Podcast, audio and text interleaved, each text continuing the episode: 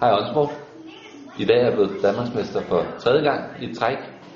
Det er U23 Danmarksmesterskabet i enkeltstart, jeg har vundet. Øhm, måske ryster jeg lidt, fordi jeg har slået min hånd, og det var, jeg skulle holde med den anden hånd, fordi øhm, det var meget dramatisk. Først så styrte jeg efter 500-700 meter, og fordi jeg blev, der var en pige, der gik ud foran mig, og så kørte jeg 60 og bang lige ind i hende, og det gjorde så ondt. Men jeg spurgte, om jeg måtte få en omstart, og det fik jeg så på med fantomdragt og styrt, og det gjorde så ondt. Øhm, og så fik jeg alligevel lov at få en omstart 20 minutter efter, og så måtte jeg op på cyklen igen, og det er på trods af, at jeg har slået her og nede på her.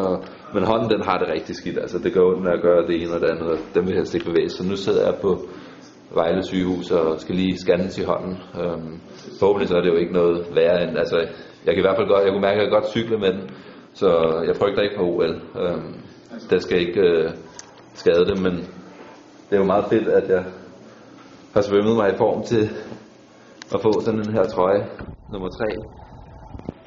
Det tredje år i træk, det tror jeg ikke, der er mange, der har prøvet. Øhm, og nu håber jeg snart, at de gider at komme her og ryggen fotografere mig, så jeg kan komme hjem og fejre min sejr sammen med mine holdkammerater.